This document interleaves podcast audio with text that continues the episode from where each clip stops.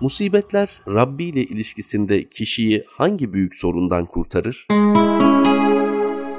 Ahiret saadetini yitirmek üzere olan insan, dünyevi işleri rast gittiği dönemlerde bütün bütün ahiret vazifelerinden kopmakta, kendini sorgulama ihtiyacı duymadan gaflet içerisinde bir hayat yaşamaya başlamaktadır. Yunus suresinin 12. ayetinde bu gerçeğe parmak basılır ve insan dara düştüğünde Rabbine yalvarıp yakardığı fakat işleri rast gittiğinde, duaları kabul olduğunda sırtını dönüp umarsızca çekip gittiğinden bahsedilir. Dünyevi sıkıntılar insanın hal ve gidişatını düşünmesine, Rabbi ile irtibatının niteliğini sorgulamasına ve gafletten kurtulmasına zemin hazırlarlar. Bu açıdan bakıldığında musibetler birer nimet, musibetzedeler de nimete ermiş insanlardır. Mutasavvıflar, sufiler insan için en büyük problemi gaflet olarak görürler. Mesela tasavvufun kurucularından sayılan Hazreti Cüneyt'e göre gaflete düşmek ateşe girmekten daha büyük bir problemdir. Gaflet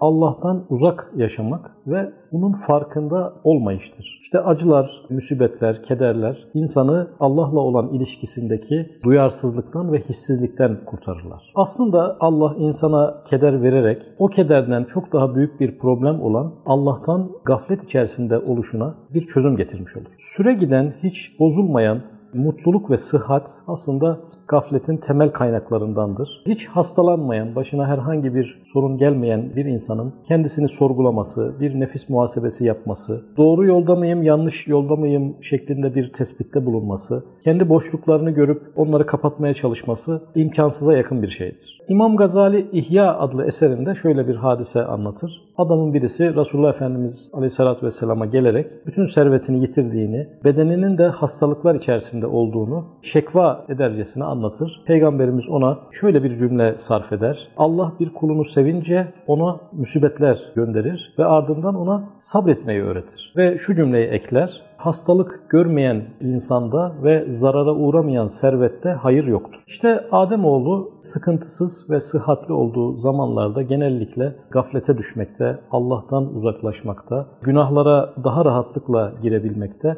ve hakikatle hiç olmadığı kadar uzaklaşmaya başlamaktadır. Hastalıklar ve musibetler insanı birçok günahtan ve kötülükten alıkoyduğu gibi belki de günahların ve kötülüklerin en zirvesinde bulunan gafletten yani Allah'tan uzaklaşmış olmaktan, Allah'a karşı hissizleşmiş olmaktan insanı kurtarırlar. Bir dert sahibi olan insanların inanca, ibadete, tefekküre çok daha meyilli oldukları su götürmez bir gerçektir.